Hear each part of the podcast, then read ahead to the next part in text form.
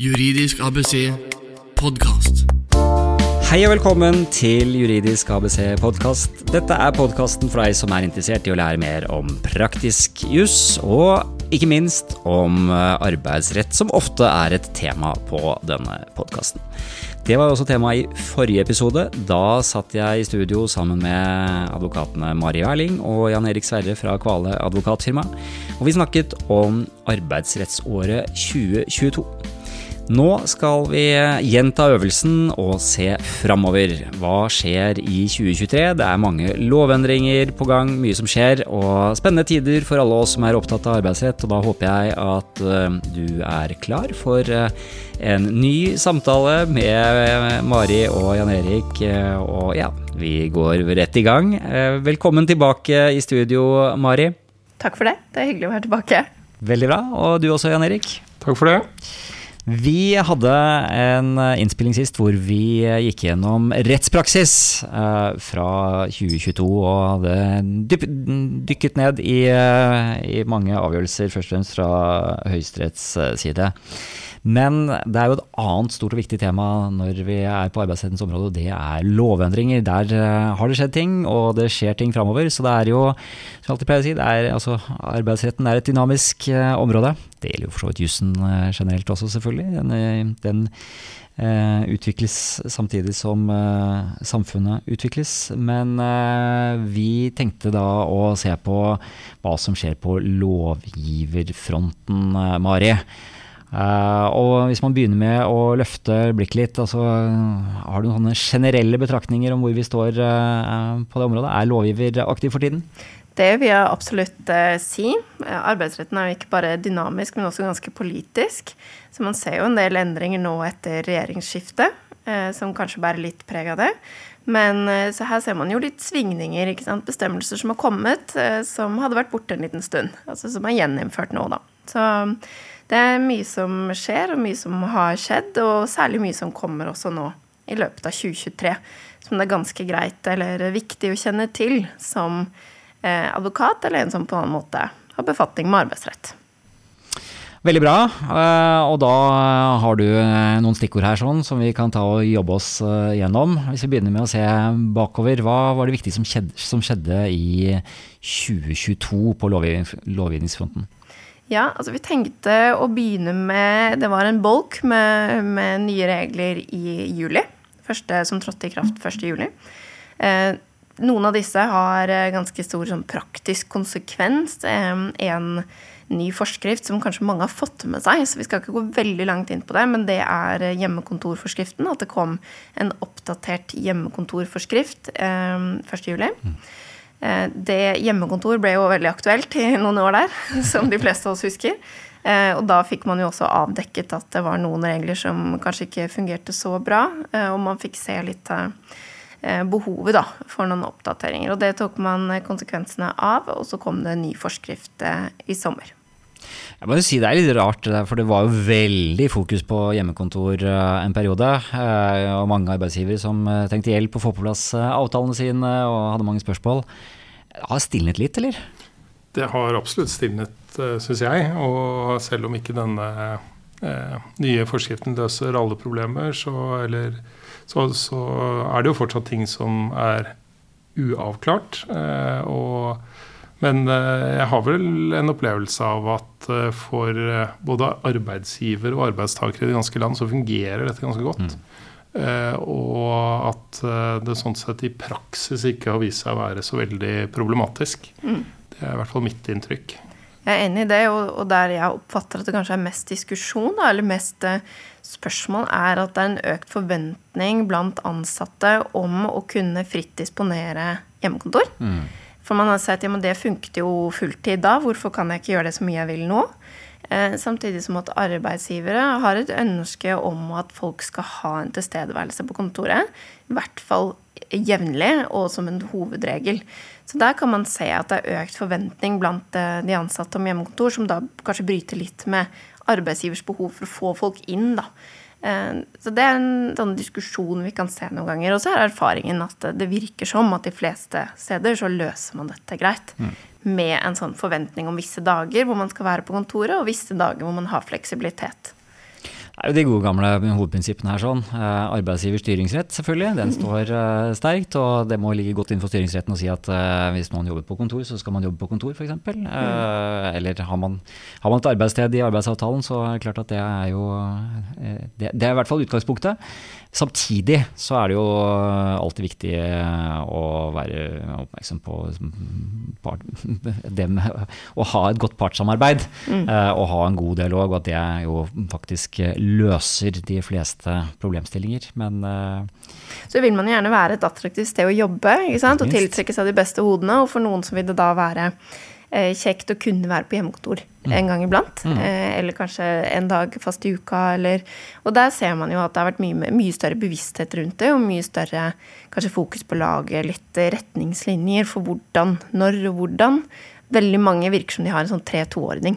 At man i hvert fall skal være på kontoret tre dager i uken. Um, men kan disponere hjemmekontor f.eks. to dager i uken. hva Det er- gjør dere i Kvalle? Ja, nei, vi har vel Godt spørsmål. Vi har vel en viss fleksibilitet. Det, det, uten at det er noen faste ordninger, så har vi fleksibilitet. Så um, Men hjemmekontoravtalen den uh, kom i hvert fall som et, uh, Ja. en konsekvens av den nye hjemmekontorforskriften. Den gamle var vel 20 år gammel, eller et eller annet sånt. Men uh, ja. Reglene altså Det var jo da også et krav om skriftlig avtale for regelmessig bruk av hjemmekontor. Så hvis man har en sånn to-tre-ordning, så betyr det at man skal ha en skriftlig avtale. Det skulle man også før, men det var unntak under korona. ja, for det er Eh, jo kanskje viktig, og, viktig ting å ta med her, sånn, det som en terskelen for når man må ha avtale, og det er vel en dag i uken eh, eller mer, da skal avtale på plass, sånn cirka. Ja, da er det en fast ordning, og sjeldnere enn det vil gjerne anses som mer sporadisk. Og dermed falle utenfor regelverket. Så eh, når man har en sånn um, klare føringer uh, som innebærer en viss sånn regelmessig bruk av hjemmekontor, så bør man ha avtale på plass. Og det gjaldt før, og det gjelder for så vidt også fortsatt. Um, ellers så er det ikke de store, de helt store, men jeg, eh, blant annet i den nye hjemmekontorforskriften så har man måte, eh, presisert at i forbindelse med en sånn unntakstilstand, sånn som f.eks. Eh, pandemi, så trenger man ikke ha skriftlig avtale. Så, um, så man har på en måte hensyntatt den situasjonen, da. Men ellers så er det, er det presisert, altså en, en av de viktigste endringene er kanskje det at det nå er presisert at det er arbeidsmiljølovens arbeidstidsregler som gjelder også når man jobber hjemmefra. Eh, Tidligere var det noen særregler eh, ved hjemmekontor. Eh, Og så er det presisert tydelig da at arbeidsgiver har ansvaret for å sikre et forsvarlig fysisk og psykososialt arbeidsmiljø på hjemmekontoret. Um, og så har det kommet litt uh, anbefalinger fra Arbeidstilsynet som det kan være greit å være oppmerksom på uh, når det gjelder oppfølging av ansatte på hjemmekontor. Så det har kommet litt mer sånn regelverk rundt det, og litt mer føringer rundt det. Uh, og så i tillegg så kan det være greit å være oppmerksom på at denne generelle adgangen til bruk av midlertidige ansettelser det var, For de som jobber mye med arbeidsrett, så kjenner man godt til bokstav F. For de som ikke kjenner eh, så godt til det, så er det jo denne mer generelle adgangen til bruk av eh, midlertidig ansettelse opptil tolv måneder. Mm. Det er 14.9 i arbeidsmiljøloven, ikke sant? som er- 14.9 bokstav F. Mm. Den er borte. Og den forsvant eh, 1. juli. Eh, De vanligste tilfellene av eh, Altså det som vanligvis begrunner bruk av, av eh, midlertidig ansatte, så gjelder fortsatt, eh, som vi oppfatter i hvert fall som vanligst i praksis, nemlig vikariater, eller ved arbeid av midlertidig karakter. Eh, F.eks. da ved prosjektarbeid eh, eller lignende. Man har et tidsavgrenset behov. De gjelder fortsatt. Så der har man fortsatt adgang, men den mer ubegrunnede tolvmånedersregelen, den er borte. Jeg prosederte min siste 14.9F-sak i oktober. Eh, Det kommer, kommer nok ikke flere saker på det området nå. Nei. Eh, og avtaler som ble inngått før 1. juli, ble ikke rammet av den lovendringen, mens avtaler inngått eh, etter 1. juli, da må man ha en annen begrunnelse enn bokstav F. da. Så det er jo greit å ta en sjekk på at man har ryddet opp i Noen steder så bruker man jo maler. Ja. Ta en sjekk i malene sine om dette er oppdatert, for man skal i arbeidsavtalen angi grunnlaget for den midlertidige ansettelsen. Så hvis det står bokstav F, så har man jo forbrutt seg, og så mener man egentlig bokstav A eller B. Så, så har man egentlig brutt en regel om innholdet i, altså kravene til innholdet av eh, arbeidsavtalen. Så her bør man rydde opp og være sikker på at man har identifisert riktig grunnlag for midlertidig ansettelse, og at det reflekteres korrekt i avtalen. Nå er vi på begynnelsen av året. Det er jo en sånn veldig godt tidspunkt mm. å ta en del av de der, eh, det jevnlige vedlikeholdet på arbeidsavtalen, tenker jeg. Det er absolutt å anbefale. Og jeg tenker jo Det, jo, det var jo sin tid en veldig stor, eller mm, hissig politisk debatt, får man vel si, om eh, disse reglene når de, når de, ble innført i sin tid. Mm. Eh, og det var jo Eh, betydelig grad av skepsis fra arbeidstakersiden på hva dette i praksis ville få som konsekvens. Og det ble malt et lerret som, som, så dystert ut med tanke på hvordan dette ville påvirke norsk arbeidsliv. Og min opplevelse er vel at det i veldig liten grad slo til. Eh, disse, denne bestemmelsen ble mye mindre brukt, tror jeg, enn de fleste så for seg. og eh, jeg har i hvert fall ikke opplevd noe veldig savn etter den bestemmelsen i etterkant. Så jeg tror her var det Eh, denne har hatt relativt liten praktisk betydning, vil jeg si. Eh, og det behovet som er der, det dekkes ganske godt opp av de bestemmelser som er der fortsatt.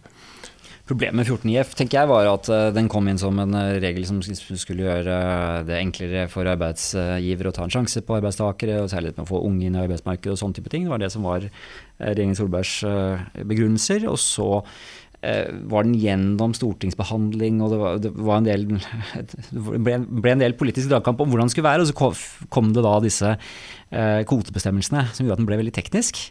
Eh, at du bare kunne ha et visst antall på den type avtaler. Og eh, jeg opplever i hvert fall at mange arbeidsgivere var sånn at eh, altså, det, det, var så mye administrasjon eh, knyttet til å beregne hvor mange årsverk osv. som man hadde på forskjellige typer avtaler, at det var bedre bare å styre unna. Så jeg tror Eh, ja, det har definitivt vært noen saker på det. Eh, men, eh, men det har ikke vært noe stort volum på ansettelser etter 14 i F, så det blir vel kanskje ikke savnet så veldig dypt. Jeg tror ikke det.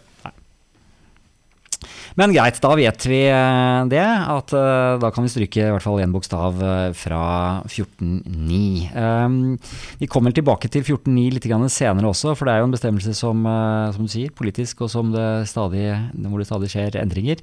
Men når vi nå er på 2022, er det noe mer som vi bør ta med oss, Mari? Ja, vi tenkte også å nevne for så vidt en lovendring hvor man har gjeninnført Ehm, fagforeningen, eh, fagforeningers søksmålsrett.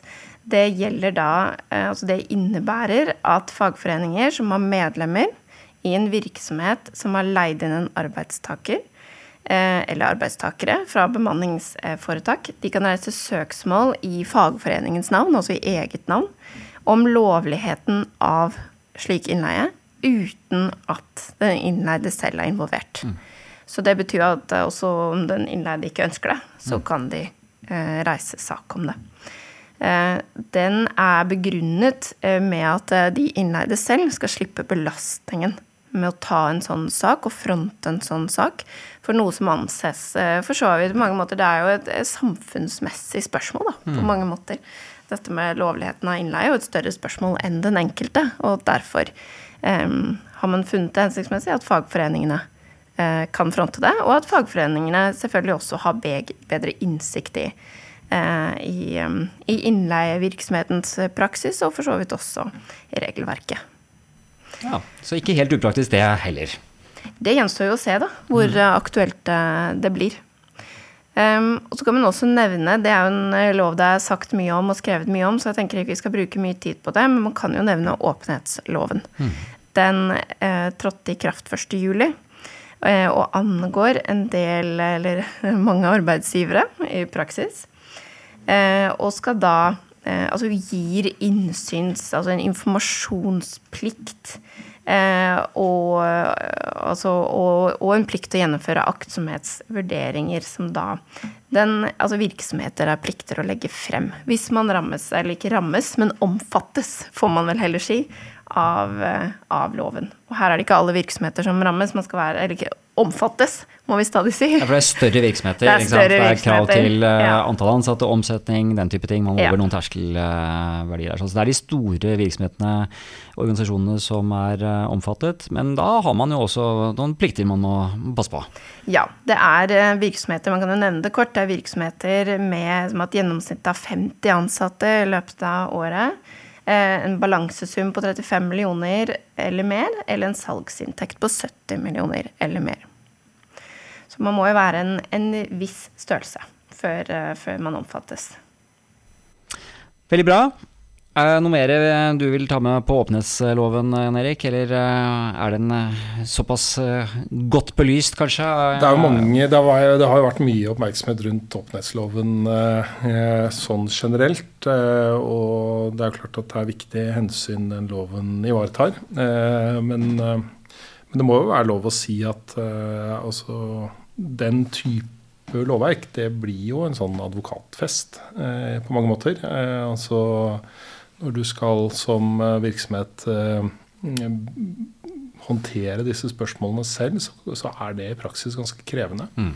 Og, og da må ofte man søke bistand. Og man må jo stille spørsmålet, tenker jeg, om, om den type lovgivning altså Hvis man får for mye av den type lovgivning, så, så, så blir det veldig krevende for eh, virksomheten å håndtere, rett og slett. Um, så, så eh, det er absolutt grunn til å, å, være oppmerksom på den problemstillingen, men dette er jo ikke nødvendigvis noe som Norge så enkelt kan komme unna. Eh, så, men men det, er, det, det, illustrerer jo at det blir stadig kreve, mer krevende å være arbeidsgiver, rett og slett. Eh, eller virksomhetsdriver. Og jeg, tenker på det med arbeidsgiver, Man tenker liksom på det som nærmest som en sånn type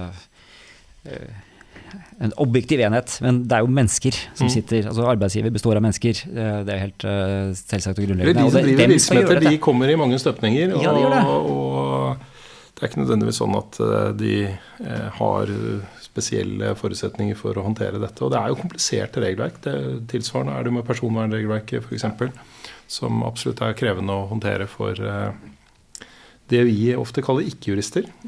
Ja. Tenk på det du sitter der sånn som eh, altså, hvem, er som, hvem er det som får ansvaret for å følge opp dette i en organisasjon? Ofte, eh, i hvert fall min erfaring, vet ikke hva dere tenker, ofte er det HR som får dette også. HR blir jo mer med et compliance-avdeling. Og så sitter man med alle disse endringene som vi snakker om i forhold, til det liksom, klassiske arbeidsrettsområdet, og så får man dette med åpenhetsloven. Så skal du vurdere hva med den iPhonen jeg har på bordet foran meg, eh, kan det hende at det er noen deler i den som eh, kommer fra gruvedrift hvor eh, man har krenket noen menneskerettigheter. Altså det, det, man, kan, man kan jo strekke vurderingene veldig langt, da. Og så skal det sies at eh, vi gikk jo kort gjennom, eller jeg nevnte jo kort noen av de vilkårene som må være oppfylt for at loven kommer til anvendelse. Eh, Og det er noen eh, tilleggsvilkår, og av de jeg nevnte, så må to av tre være oppfylt. Eh, Sånn at bare sånn at det er tydelig på at det er ikke nok at ett av de er oppfylt. da. Eh, Og i tillegg så er det da snakk om foretak som, eh, som selger varer og tjenester i eller utenfor Norge. Men ja, når det gjelder kompetansen til å, å følge det opp, så er det jo noe med at det er jo ikke alle som omfattes av dette, som nødvendigvis har en eh, juridisk avdeling eller internadvokat. Og når det da faller på HR, så begynner det å bli ganske komplekst og ganske mye som skal følges opp for å være Men sånn er det. Men sånn er Man må følge loven. Og så er det det. Forbrukertilsynet som er satt til å følge opp også. Så det er jo eh, et stort område for, eh, for tilsynet å, å, få kontroll på. Det er en lov man burde kjenne til, i hvert fall. Det er absolutt det, og eh, med absolutt gode intensjoner som vi må følge så langt det er mulig.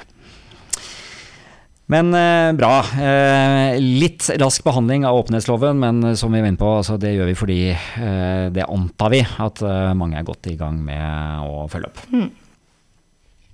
Ja, eh, er det noe mer fra 2022 eh, som vi skal ta med, eller begynner vi å nærme oss eh, 2023 her, Mari?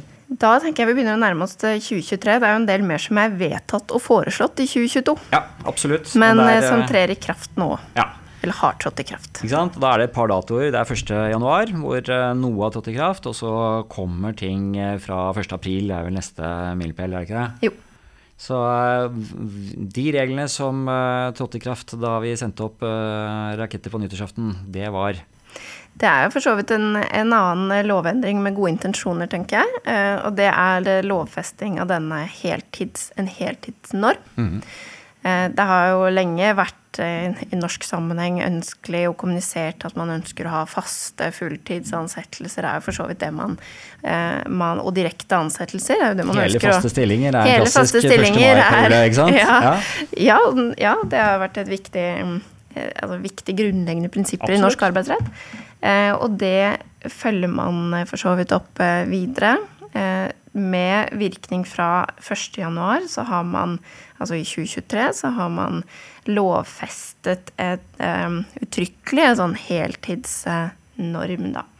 Som innebærer at man eh, helt eh, Altså man presiserer i loven at eh, man Hovedregelen ikke sant, er at arbeidstakere skal ansettes på heltid. Um, og for å følge den Det er mer en sånn jeg kan si, sånn prinsipp. Det er jo ikke ment å innebære noe sånn materielle eh, i seg selv. Det er ikke forbud mot deltid? Det er ikke forbud mot deltid, men det innebærer eh, Altså det er jo ment å kommunisere, eh, kommunisere en norm, da, og så er det, mm, følger det sammen med altså drøftingsplikt for arbeidsgiver ved eventuelle ansettelser i deltid.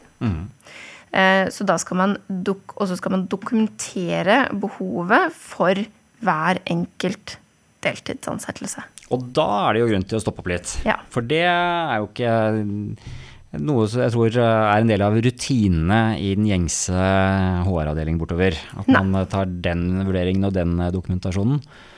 Og det gjør det i praksis vanskeligere og, eller mer byrdefullt da, å ansette i deltidsstillinger, og det er jo kanskje også hensikten.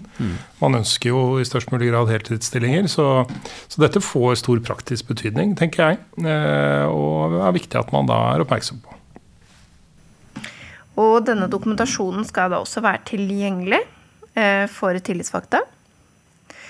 Eh, og spørsmål om deltidsansettelser skal drøftes. Mm. Eh, så dette er jo konkrete plikter, da. Så som det er typisk ting som er naturlig å ta inn i, i partssamarbeidet, den plattformen man har for å utøve det. Kanskje et arbeidsmiljøutvalg hvis, hvis det er hensiktsmessig. Eh, Men, eh, men, men er det da en drøfting i hver enkelt tilfelle, eller er det på, eller er det på et litt mer sånn overordnet eh, plan? Nei, man skal, eh, man skal eh, drøfte eh, de enkelte ansettelsene, og man skal dokumentere behovet for hvert, hver enkelt deltidsansettelse. Hva som ligger i det, det er jo for så vidt Det vil jo på en måte vise seg litt etter hvert, tenker jeg. Men eh, det er neppe snakk om veldig lange utredninger. Men at man må kunne påvise et saklig behov. Eh, litt sånn som vi snakket om i forrige episode. Har man et behov, og, og hvis man har et reelt og saklig behov, så har, kommer man jo ofte langt. Ja, Da Ja. kan det gjøres ganske kort og greit, og så Tenker setter man opp en liten protokoll at man har gjennomført det, så har man dokumentasjon og, mm. og husker hva man drøftet. Eh, og det kan da være veldig greit. Det bør man ha inn i rutinen ganske mm. umiddelbart. Står det noe i loven om konsekvenser hvis man, eh, hvis man ikke overholder disse drøftingspliktene? Arbeidstilsynet har myndighet til å kontrollere dette. Mm. Så da kan det også sanksjoneres i tråd med det. Mm. Arbeidstilsynet um, har hjemmel til mer generelt, da. Ja. Mm. Så som alltid gjelder det å ha orden i sysaken og dokumentasjon på plass. Mm. Så det er heltidsnormen. Det er heltidsnormen. Eh, og da bør man, som en konsekvens av dette, tenker vi, passe på at man eh, legger inn noen rutiner i forbindelse med ansettelse. Bare gjør dette sånn helt rutinemessig. Eh, og man kan lage seg noen maler og, og lage seg noen systemer for å sikre at man, at man gjør dette eh, hver gang man skal ansette på deltid.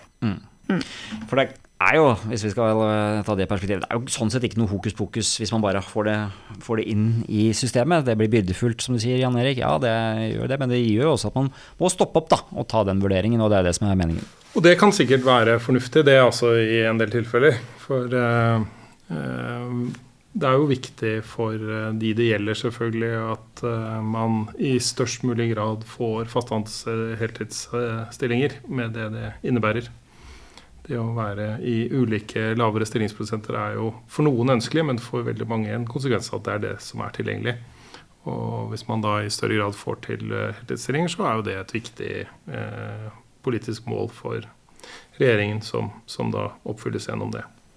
Så blir det spennende å se hvordan både private og ikke minst offentlige arbeidsgivere følger opp dette. Jeg vet jo at eh, det er ikke nødvendigvis i det private arbeidslivet at eh, man har mest bruk av deltidsansatte. Absolutt ikke.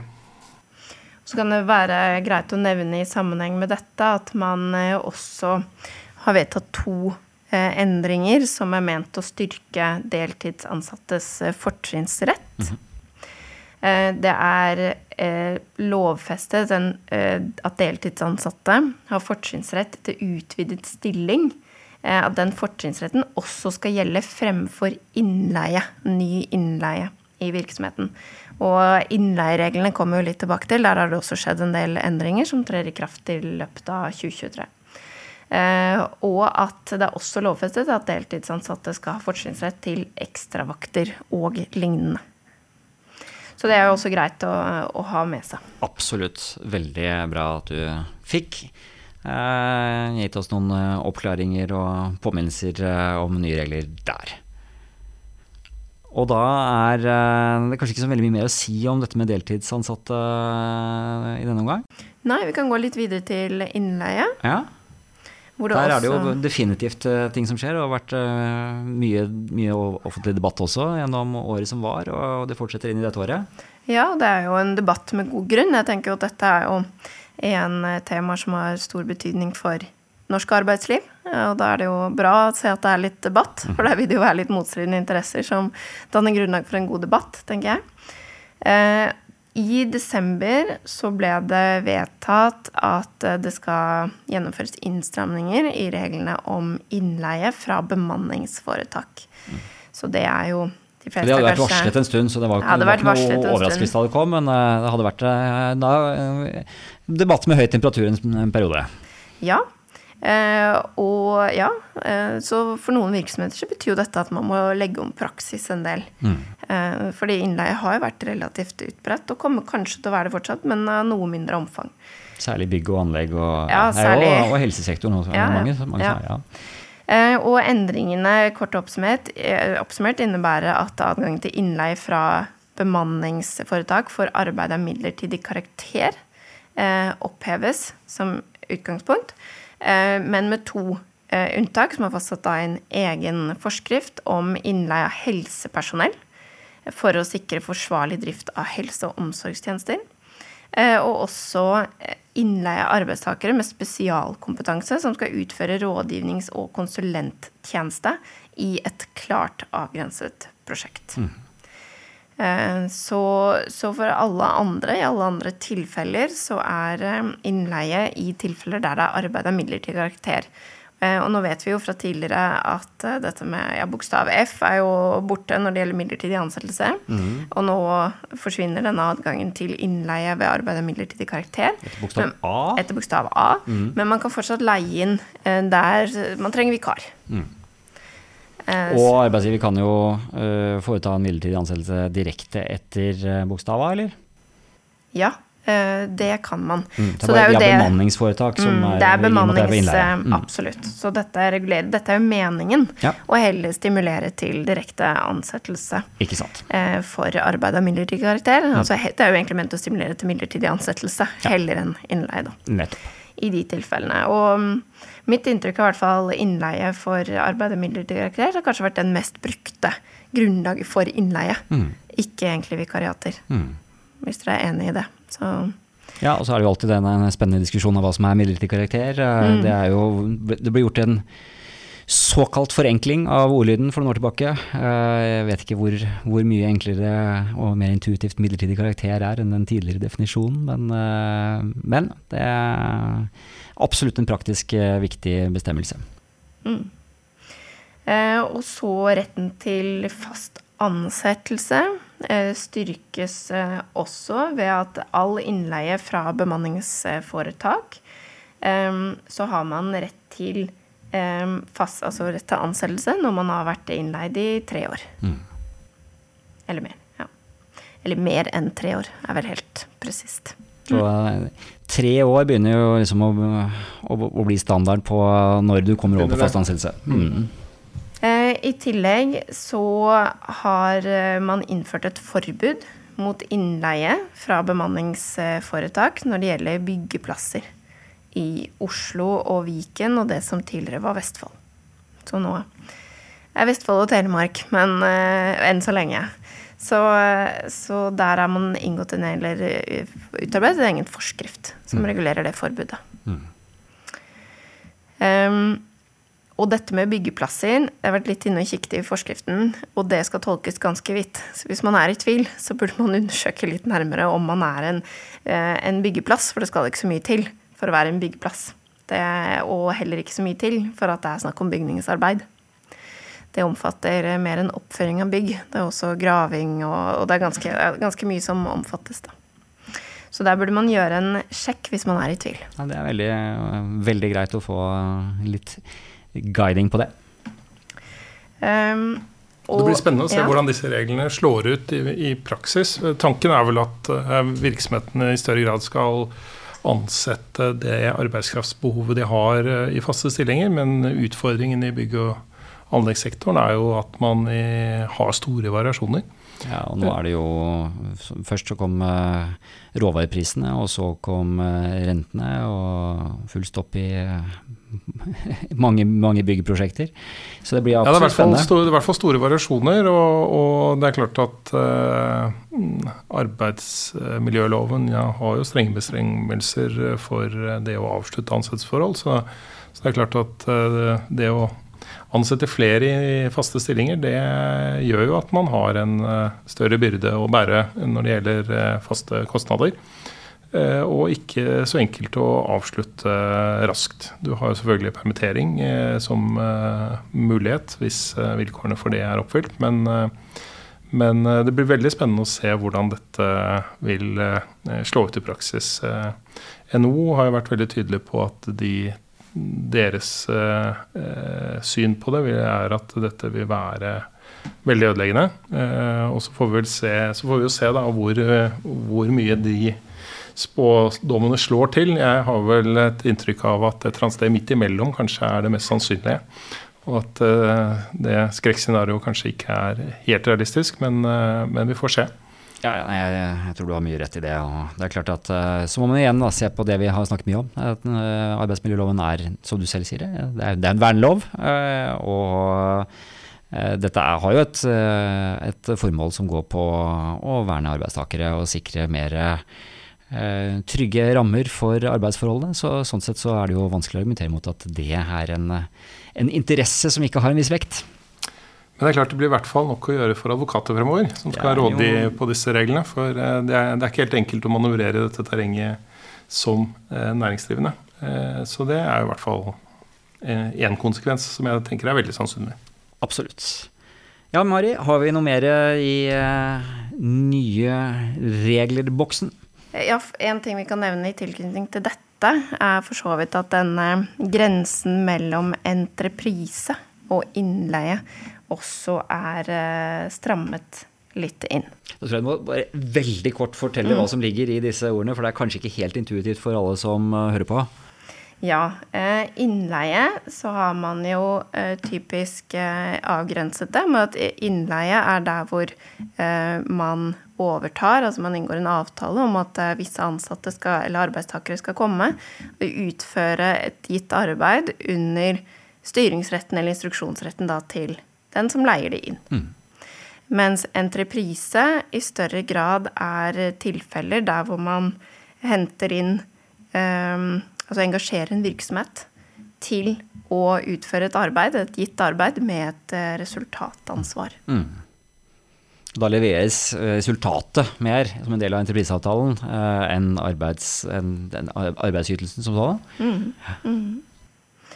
Um, og her uh, er grensen blitt uh, noe justert, slik at flere oppdragsavtaler som i dag vil karakteriseres som uh, entreprise vil karakteriseres som innleie, med de begrensningene som da medfører. Og noe av tanken her er nok å skille Altså når man, når man setter litt eh, dette med innleieregelverk under press, så vil jo gjerne virksomheter justere seg litt mm. ut og tilpasse litt. Så da kunne man jo sett for seg at flere gikk over mot mer entreprisekonstruksjoner for å forsøke å på en måte Uh, og da har man også strammet inn der, sånn at man skal unngå en sånn effekt. For det, det man ønsker her, er jo å stimulere til uh, ansettelser, ikke andre kreative konstruksjoner. Man ønsker jo at, uh, at folk skal ansettes direkte. Mm. Så det må vel sies å være litt sånn eh, hva skal jeg si, eh, framsynt og eh, eh, taktisk smart da, av lovgiver. Ja da, så her, men her ser man jo veldig godt at det er eh, mye politikk Mm. også involvert. Absolutt. Absolutt. Eh, og det vil man også se for um, I tillegg til de endringene som er vedtatt, så er det jo også foreslått en del endringer som kan bli vedtatt i løpet av 2023. Som også går på, på f.eks. nedmanninger i konserner osv. Som, som vi tenker er, tenker er litt interessant å, å nevne. Eh, hvis dere Skal vi hoppe rett opp på det? Ja, det må vi gjerne Ja. gjøre. Det er vel eh, eh, ja, for hvis vi tar nå altså, For det, det, det, innleie, her har vi da altså ting som har trådt i kraft. ikke sant? Eh, 1. januar. Vi har vært innom dette med heltidsnormen. Og dette er, eh, dette er jo regler som, som, eh, som gjelder nå. Eh, og så er det regler som er på vei. Ikke sant? Neste bolk. Ja, eh, og sånn som dette med innstrammingene på innleie, de er vedtatt, men de trer i kraft eh, 1. april. Så har man noen overgangsordninger som man kan være oppmerksom på hvis man allerede har inngått avtaler, men det tror jeg blir såpass detaljert at vi kanskje bare tipser om at man burde sjekke det ut hvis man er i denne situasjonen. Og det er vel vårt inntrykk at de fleste gjør nå. De som berøres av disse reglene, gjør jo mer grundige undersøkelser enn å lytte til en podkast når det gjelder eh, å tilpasse Det seg regelverket. anbefale. Ja, det, det vil vi dette kanskje er mer en bevisstgjøring, men ja. konklusjonen bør du ta etter en litt grundigere analyse. Em, de eh, endringene som er foreslått nå gjennom i en lov, altså en Prop. L, som det heter, eh, som kom Var det i november? Jeg tror det var i november. Det var i hvert fall nå i løpet av jula. Mm. ja. Ja, sent på høsten.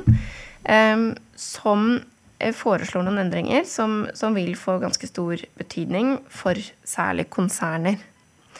Eh, hvis man er et konsern som skal omorganisere eller nedmanne i løpet av 2023, eh, så bør man være oppmerksom på det forslaget som ligger der nå. Som innebærer at hvis man i søsterselskap A, eller morselskap f.eks., eh, skal nedmanne, og det er andre selskaper i konsernet med en mor med bestemmende innflytelse, eh, så skal man vurdere denne plikten til annet passende arbeid i alle konsernselskapene. Og her kan vi jo spole litt tilbake, bare for, eh, for å putte det litt inn i kontekst. Så når man skal nedmanne en arbeidstaker, eh, så har man ikke saklig, saklig grunn for oppsigelse. Eller hvis man skal nedmanne, så har man ikke saklig grunn for oppsigelse dersom det er annet passende arbeid som den ansatte kan utføre. Ja. Og så er spørsmålet hvem er arbeidsgiver og hvem er arbeidstaker, hvor går grensene? Eh, og eh, den klassiske tilnærmingen er jo at eh, arbeidsgiver er den juridiske enheten hvor arbeidstaker Ja. er ansatt. Så jobber du i selskap med det, og det organisasjonsnummeret, så er det det som er arbeidsgiver. Og det er der du skal foreta en vurdering av behov for nedbemanning, og hvilke annen passende arbeid, som du sier, som er, eh, er tilgjengelig. ikke sant? Ja.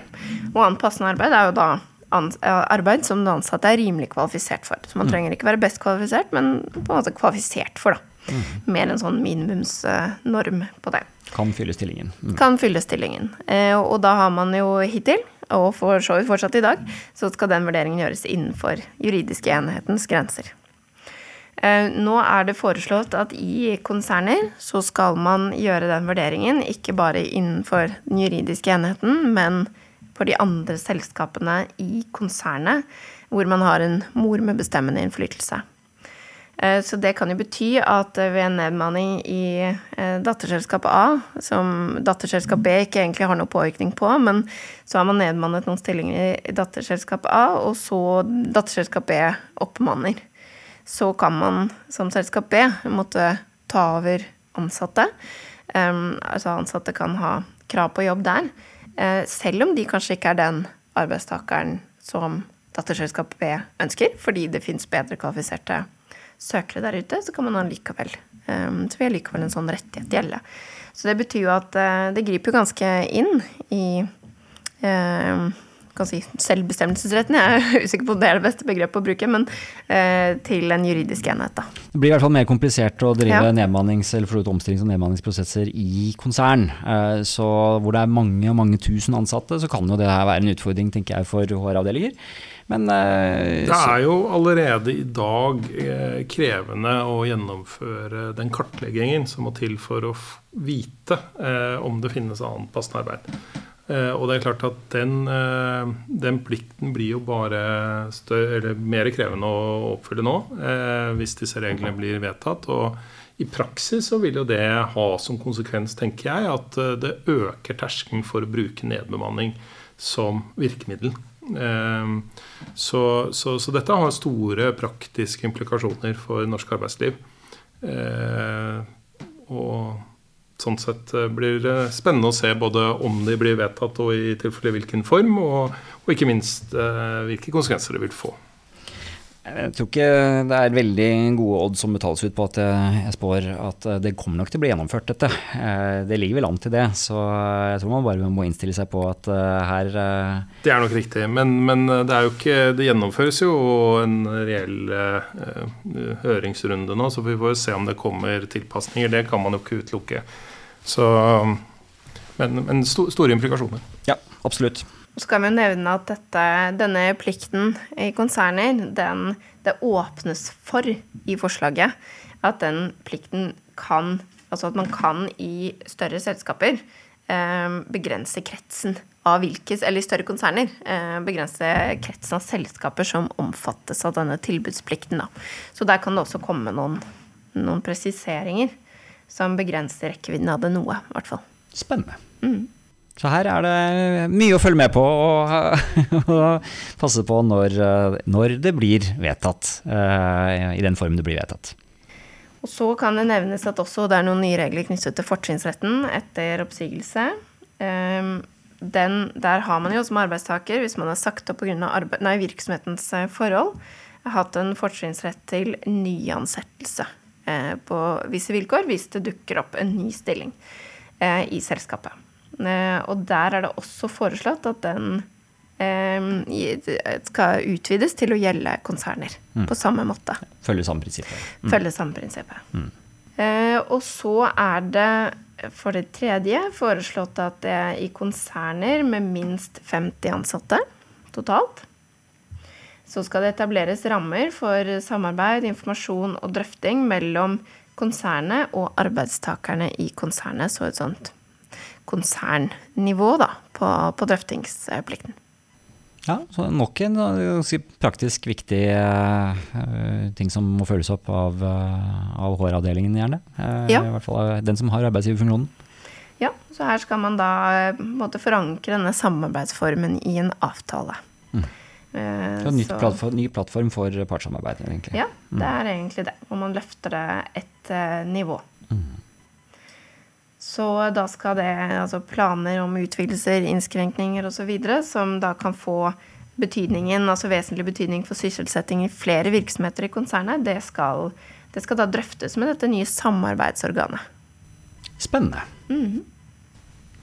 Og så er det lagt inn en, eh, et forslag om at disse reglene kan man eh, fravike ved tariffavtale. Ehm, Så da ligger det jo da et insentiv til virksomhetene til å få på plass tariffavtaler og sånn sett få en noe mer fleksibilitet enn man ellers ville ha, da. Nettopp.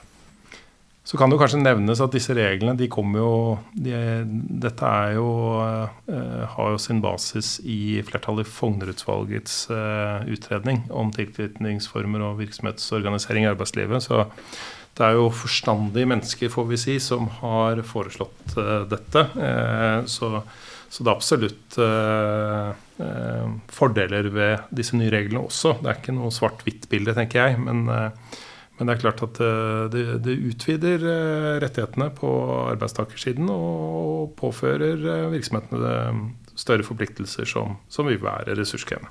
Bra, takk for det, Jan Erik. Ja, Mari, er det noen flere ting som ligger i løypa som du vil trekke fram?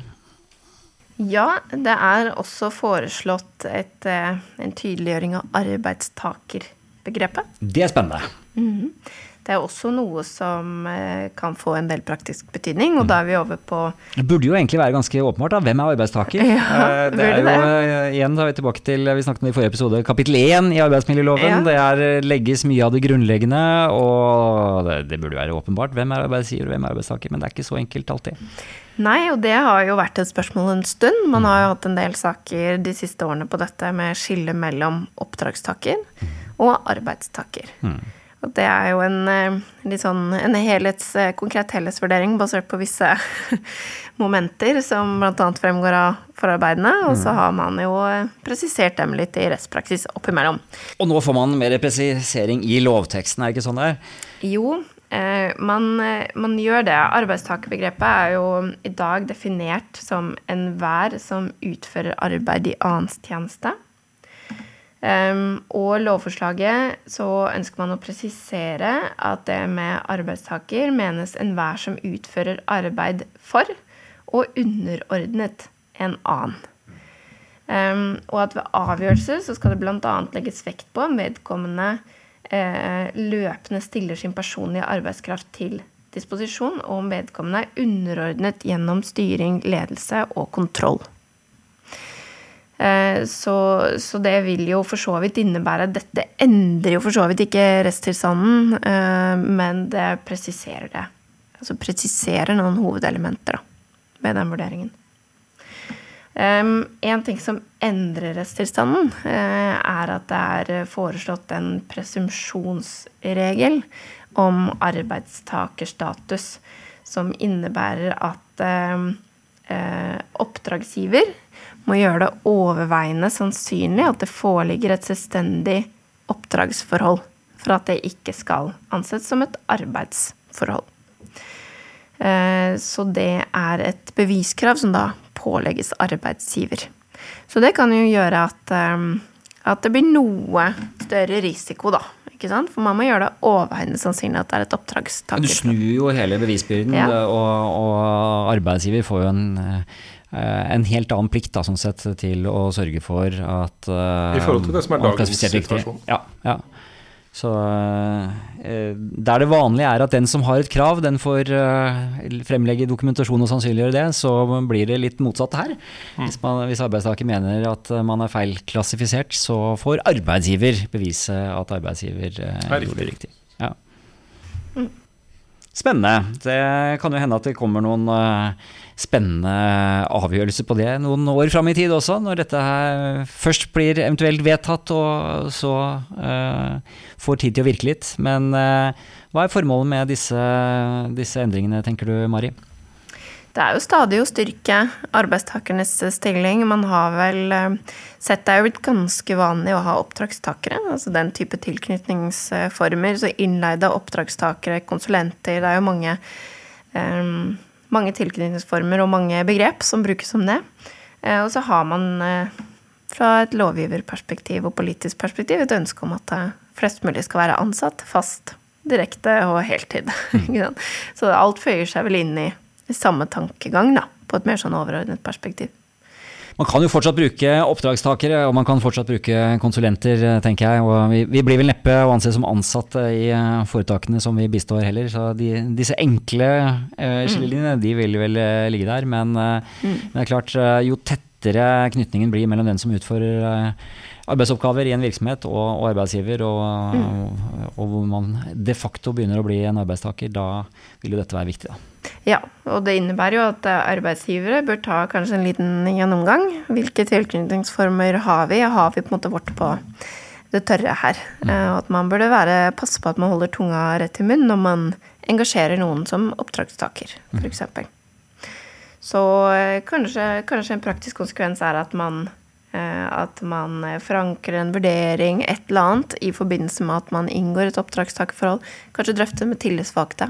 Man kan tenke seg ulike løsninger da, for å underbygge eller dokumentere at det er et reelt oppdragstakerforhold. Juridisk ABC podkast. Veldig bra, da har vi sett på en del eh, endringer. Noen som trådte i kraft i fjor, eh, noen som trådte i kraft 1.1, noen som er på vei. Er det noen flere ting arbeidsgivere bør eh, passe på i tiden som kommer, eh, Mari? Ja, altså vi kan nevne noen andre mindre eh, endringer. Eh, som bl.a.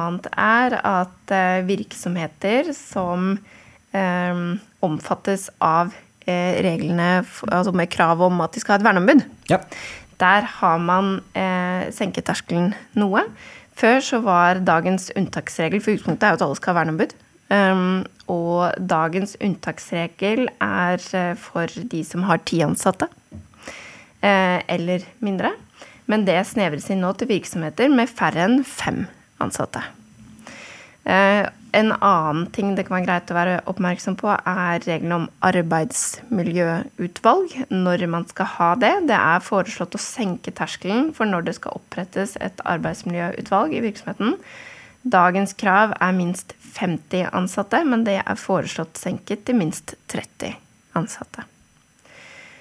Så generelt så er det lavere terskel for når eh, disse eh, kravene gjelder. Ja, og så på enda mer detaljnivå, som kanskje kan være det siste vi nevner, så er jo dagens krav om at virksomheter med minst 30 ansatte må ha et eh, arbeidsmiljøutvalg dersom partene i virksomheten krever det. Eh, Og det er nå senket, eller foreslått senket da, til virksomheter med minst 10 ansatte.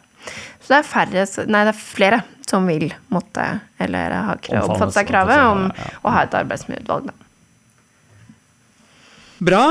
Eh, er vi da gjennom, eller er det noen flere ting som vi bør ta med oss?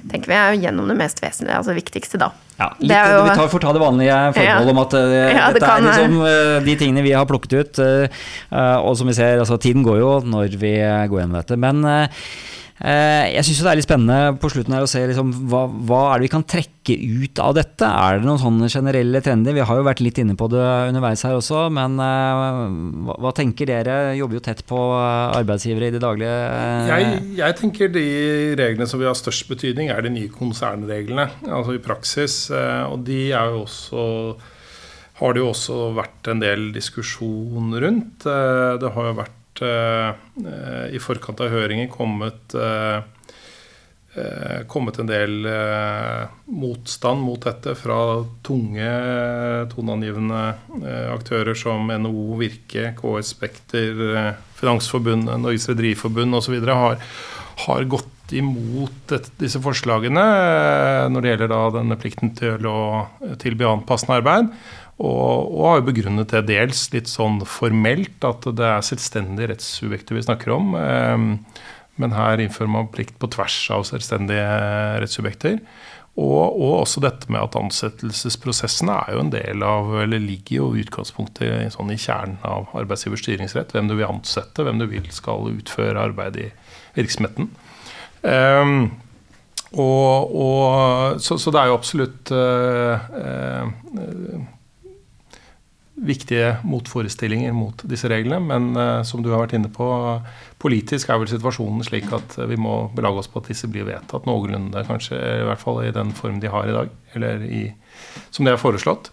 Um, Så er det jo sånn at Styringsretten som du viser til, den, eh, den begrenses jo av lov. da. den begrenses av lov, så, så, så, sånn, sånn sånn, sånn er det. det. Og, og det må man forholde seg til som arbeidsgiver. og og den prakt, De praktiske konsekvensene her blir jo at man eh, som arbeidsgiver i større grad må ha oversikt over ledige stillinger i hele konsernet. og Det, det er en kartleggingsjobb som, som må gjøres. Det er kanskje noe man kan ta med seg eh, fra podkasten også, tenker jeg. Altså, hvis man skal se litt framover, så handler det om å, å bygge gode systemer og oversikter, sånn at man kan møte den type regelendringer. Da. Absolutt. Og og man kan også måtte se på eller revidere det man har av rutiner for omstilling og nedbemanning. Det vil jo være nærliggende nå. Og, og ta en ny gjennomgang av, av det og sikre at man er i tråd med disse forslagene da, hvis de nå blir vedtatt. Bra. Hva tenker du, Mari? Nei, jeg tenker man som eh, arbeidsgiver må holde tunga rett i munnen framover. Kanskje vurdere innføre noen nye rutiner, noen nye eh, Og godt samarbeid, for så vidt, med eh, tillitsvalgte. Kan jo i et såpass eh, liksom komplekst eh, terreng som dette, økte drøftingsplikter osv., være ekstra verdifullt. så det å passe på at man, eller gjøre det man kan for å ha et godt samarbeid der, og en god og åpen dialog, er vår erfaring at klarer man å få til det der det er mulig, så kan det være av stor verdi. Og kanskje enda større verdi nå enn før. Det er egentlig vanskelig å tenke seg veldig mange situasjoner hvor det å ikke ha Ja. en dialog med tillitsvalgte er en sånn stor fordel. Jeg Nei, det at er mange arbeidsgivere som er der, men, men, men, det, er men altså, det er jo ikke altså, Jeg tenker det er et veldig godt råd du gir. Det er ikke selvsagt dette for mange. Eh, Men, eh, men det er litt sånn, eh, har blitt litt sånn gjennomgangsmelodien. Vi har vært inne på det på podkasten før også. Jan har annet vært der. Han er jo en av de som er veldig tilhenger av dette. Men, men det å snakke med folka dine, det å gjøre det både direkte, men også når de er på partssamarbeidsnivå, kjempeviktig, tenker jeg. Og veldig sånn undervurdert virkemiddel for å få gjennom og, eh, ulike prosesser og få det til å gå mer smidig. Er det enighet, så vil det jo stort sett underbygge saklighet. Fordi da har man jo på en måte drøftet det og kanskje kommet til enighet. da. Uten at det er noe krav, men at man, eh, hvis man kommer til enighet med de tillitsvalgte, som jo representerer de ansatte, og har det blikket, så vil jo det gjerne altså Det er sjelden å se for seg at det er en ulempe, i hvert fall, sånn som du sier. Ja. Det er, Det har jo Høyesterett sagt også, at det skal jo Det svært mye til å Mm. sette til side ting som har blitt ja. avtaler som har blitt inngått eh, i dialog med de tillitsvalgte. Så ja, mm. Så her har man nye områder hvor det er, eh, er det av stor verdi. ikke sant. Spennende. Det betyr i hvert fall at uh, dere blir ikke arbeidsledige framover. Uh, gjelder vel ikke meg heller, tror jeg. Og uh, det blir jo gøy å se hvordan dette rent faktisk blir implementert, og alle disse tingene som vi Vi har noen tanker om, noe, noe som kan fungere og noe som kanskje ikke fungerer så godt, men, men hvordan det faktisk vil, vil vise seg å bli, det gjenstår å se. Så får vi se ved neste korsvei, eh, årskavalkaden for eh, 2023, hvordan dette gikk. Ja, dere er i hvert fall invitert tilbake, så får vi håpe at eh, det blir eh, en, en spennende analyse da. Så eh, tusen takk eh, for at dere var med på dette dypdykket. Først i dommer, og så eh, lovendringer. Jeg tror eh, vi alle har fått eh, litt mer klarhet i hva som eh, er viktig å passe på framover. Jo, takk for at vi fikk komme. Takk for det, veldig hyggelig å være her. Juridisk ABC podkast. For mer informasjon om dagens tema, se juridiskabc.no. Her finner du flere podkaster og artikler innen arbeidsrett, eiendomsrett, familierett og temaer for deg som driver egen virksomhet. Meld deg på vårt nyhetsbrev på juridiskabc.no.